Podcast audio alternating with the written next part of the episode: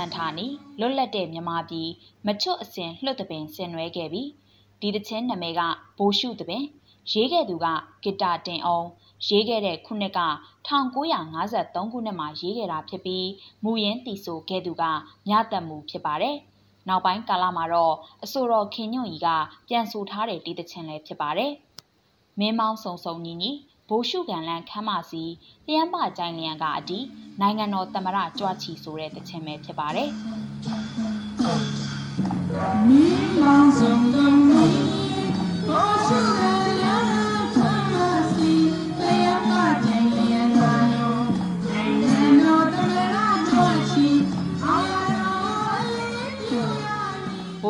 ဆိုတဲ့စကားရဲနဲ့ပတ်သက်လို့မြန်မာစာအဖွဲ့ကထုတ်ပြန်တဲ့မြန်မာအင်္ဂလိပ်အဘိဓမ္မာ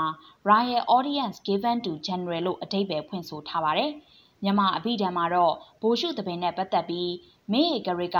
စစ်တေနာပတိတို့ကိုကြည့်ရှုစစ်ဆေးသောအခမ်းအနားလို့ဆိုထားပါတယ်။ဒီမိုကရေစီနိုင်ငံတွေကနိုင်ငံအထိမ်းအမှတ်နေ့တွေရောက်တိုင်းနိုင်ငံအကြီးအကဲသမ္မတတွေကိုစစ်တပ်နဲ့ပြည်သူတွေကခြိတက်အလေးပြုတဲ့ဘိုးရှုသဘင်တွေလုပ်လေရှိပါတယ်။ ဒီလိုလုပ်တယ်ဆိုတာက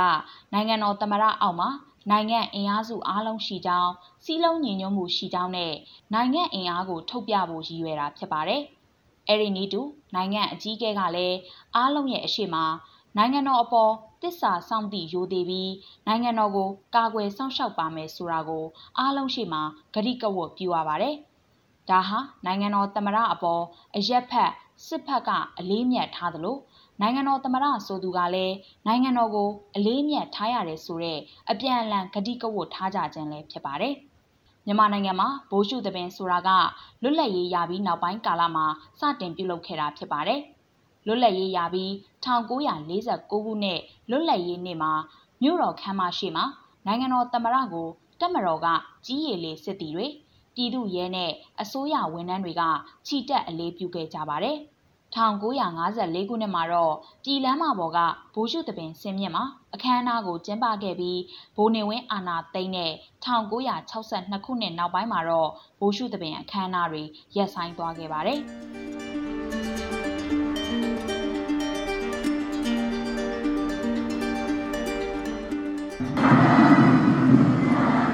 ဘိုးနေဝင်းအာနာသိန်းပြီးနောက်ရပ်ဆိုင်းသွားတဲ့ဘိုးရှုသပင်အခမ်းအနားဟာ 53နှစ်အကြာမှာ ပြန်ပေါ်ခဲ့ပါတယ်။2015ခုနှစ်ကကြာရောက်တဲ့68နှစ်မြောက် လွတ်လပ်ရေးနေ့မှာ ပြန်လည်အသက်ဝင်လာတာပဲ ဖြစ်ပါတယ်။အဲဒီကာလက နိုင်ငံတော်သမ္မတအဖြစ် စစ်ဗိုလ်ချုပ်ဟောင်း ဦးသိန်းစိန်က တာဝန်ယူထားတဲ့ကာလလည်း ဖြစ်ပါတယ်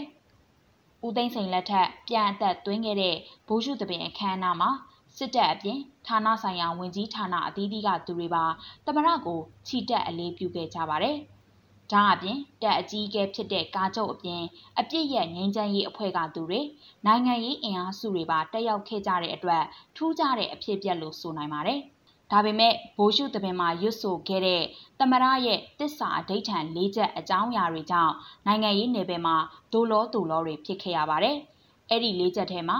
ငါတို့သည်ပြည်ထောင်စုသမရမြန်မာနိုင်ငံတော်၏ဖွဲ့စည်းပုံအခြေခံဥပဒေကိုထိမ့်သိမ့်၍ တရားဥပဒေကိုစောင့်ရှောက်ပါမယ်ဆိုတဲ့အချက်ပါဝင်တာကြောင့်ဖြစ်ပါတယ်။ဘာကြောင့်လဲဆိုရင်အဲ့ဒီကာလမှာအခြေခံဥပဒေဟာနိုင်ငံအကြက်တဲဖြစ်တာကြောင့်ပြင်ကိုပြင်ရမယ်ဖြတ်ကိုဖျက်ရမယ်ဆိုတဲ့အတန်တွေစူညံနေတာကြောင့်ဖြစ်ပါတယ်။ဒါအပြင်ဦးသိန်းစိန်လက်ထက်ပြုလုပ်မဲ့ဘိုးရှုကန်တပင်နဲ့ပတ်သက်တဲ့အသုံးစရိတ်နဲ့ပတ်သက်ပြီးလဲစူညံပွက်လောရိုက်ခဲ့ပါသေးတယ်။နေပြည်တော်မှာပြုလုပ်မဲ့ဒီဘိုးရှုတပင်အတွက် စင်မြင့်အဆောက်အုံတစ်ခုတည်းကိုတင်ကြက်တန်းပေါင်း6450ဒသမ66တန်းအထိသုံးစွဲဖို့လုပ်ခဲ့တာကြောင့်ဖြစ်ပါတယ်။ဒါအပြင်ဒီဆောက်လုပ်ရေးစီမံကိန်းကိုပွင့်လင်းမြင်သာစွာတင်တာခေါ်ယူမှုမလုပ်ဘဲစေအုပ်စုနဲ့နှီးစပ်တဲ့နေပြည်တော်ဆောက်လုပ်ရေးမှာစီမံကိန်းကြီးကြီးမားမားတွေရခဲ့တဲ့အေးဆောက်လုပ်ရေးကုမ္ပဏီကိုလက်သိပ်ထိုးလုတ်ပိုင်ခွင့်ချထားပေးတာကြောင့်ဝေဖန်မှုတွေကြီးကြီးမားမားရှိခဲ့ပါတယ်။ လွှတ်တော်တွင်းမှာပါဒီစီမံကိန်းနဲ့ပတ်သက်ပြီးဝေဖန်မှုတွေ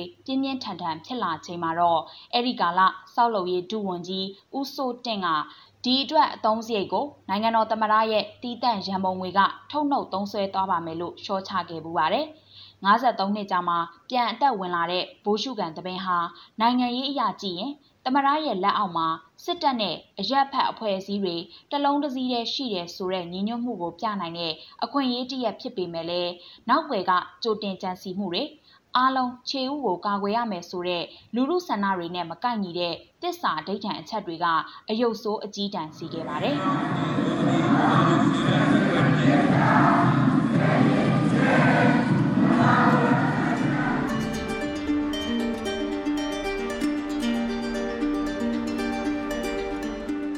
2021ခုနှစ်ဖေဖော်ဝါရီလ1ရက်မှာမင်းအောင်လှိုင်ခေါင်းဆောင်တဲ့စစ်အုပ်စုကနိုင်ငံကိုလက်နက်နဲ့ချင်းချောက်ပြီးအာဏာသိမ်းယူခဲ့ပါတယ်။ဒီအာဏာသိမ်းမှုကိုတနိုင်ငံလုံးစန့်ကျင်ခဲ့ကြတာအခုဆိုရင်တစ်နှစ်တောင်ပြည့်ပါတော့မယ်။သမရလှုပ်ချင်ပါတယ်လို့ဆိုခဲ့ဘူးသူနိုင်ငံတော်တိဆောက်သူဖြစ်ချင်ပါတယ်လို့ထွက်ဆိုထားသူမင်းအောင်လှိုင်ဟာအခုအချိန်ထိလူမှုထောက်ခံမှုကိုတပြားသားမှမရတဲ့အပြင်လူမှုရဲ့စန့်ကျင်မှုကိုနက်နက်နဲနဲခံစားနေရတော့ဖြစ်ပါတယ်။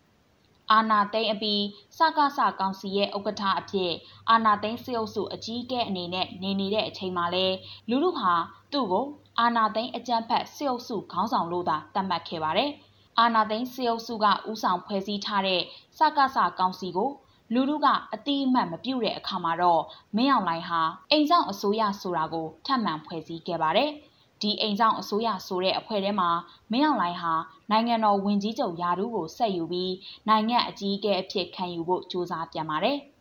ကိုစိတ်ကြိုက်တင်မြောက်ထားသူတွေမှမဟုတ်ရင်အစိုးရလို့မတတ်မှတ်ဘူးလို့ပြက်ပြက်သားသားရှိတဲ့လူမှုဆန္ဒကြောင့်ဘလို့နီးနဲ့ကောင်စီတွေဖွဲ့ဖွဲ့အစိုးရတွေဖွဲ့ဖွဲ့မင်းအောင်လှိုင်ဟာအကြမ်းဖက်စေအုပ်စုခေါင်းဆောင်တမရာယူယူနေတဲ့သူအကြီးအကဲယူယူနေတဲ့သူအဖြစ်သာသတ်မှတ်ခံထားရပါတယ်။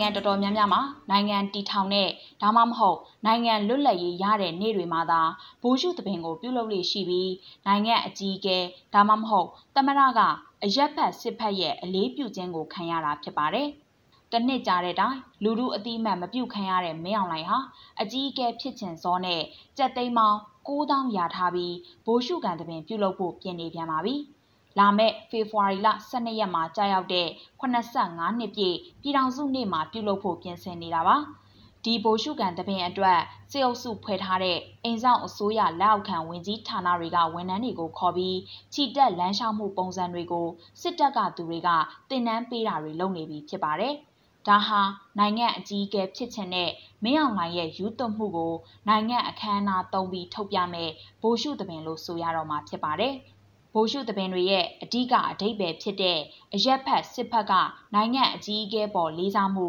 နိုင်ငံအကြီးအကဲနိုင်ငံတော်အပေါ်လေးစားမှုနိုင်ငံရဲ့စီးလုံးညီညွတ်မှုကိုပြတဲ့အခမ်းအနားနိုင်ငံစွမ်းအားကိုထုတ်ပြတဲ့အခမ်းအနားဆိုတာတွေကိုဖျက်ဆီးပစ်မဲ့အာဏာယူဂုံတင်ပွဲသာဖြစ်ပါတယ်။တမရာယူယူပြီးနိုင်ငံကိုလက်နက်နဲ့အာဏာသိမ်းဖို့ခိုင်းစေခဲ့တဲ့မင်းအောင်လှိုင်ကိုနိုင်ငံအကြီးအကဲအဖြစ်ဘယ်သူမှအတိအမှန်မပြုတ်ထားပါဘူး။ စားကားစားကောင်စီပဲဖွဲ့ဖွဲ့အိမ်ဆောင်အစိုးရပဲဖွဲ့ဖွဲ့မင်းအောင်လှိုင်ကိုဘယ်သူမှအတိအမှန်မပြုတ်ထားပါဘူး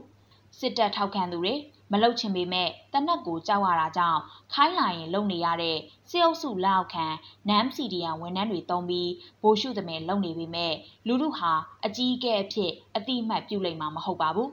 နိုင်ငံဘဏ္ဍာအမြောက်အများသုံးပြီးလုံမဲ့ဒီဘိုလ်ရှုသဘင်ကတဆင့် သူ့ကိုထောက်ခံသူတွေရှိသေးကြောင်းနဲ့ သူသာလျှင် နိုင်ငံအကြီးအကဲဖြစ်ကြောင်းတက်သေးထူနေုံနဲ့ နိုင်ငံအကြီးအကဲ ဖြစ်လာစရာအကြောင်းကို မရှိပါဘူး။လမ်းပေါ်ကຫນွေဦးတော်လန်ရေးတပိတ်တွေ လက်နက်ကင်တော်လန်မှုတွေဟာ ဒါကိုတက်သေးထူနေအောင်မှာပဲ ဖြစ်ပါတယ်။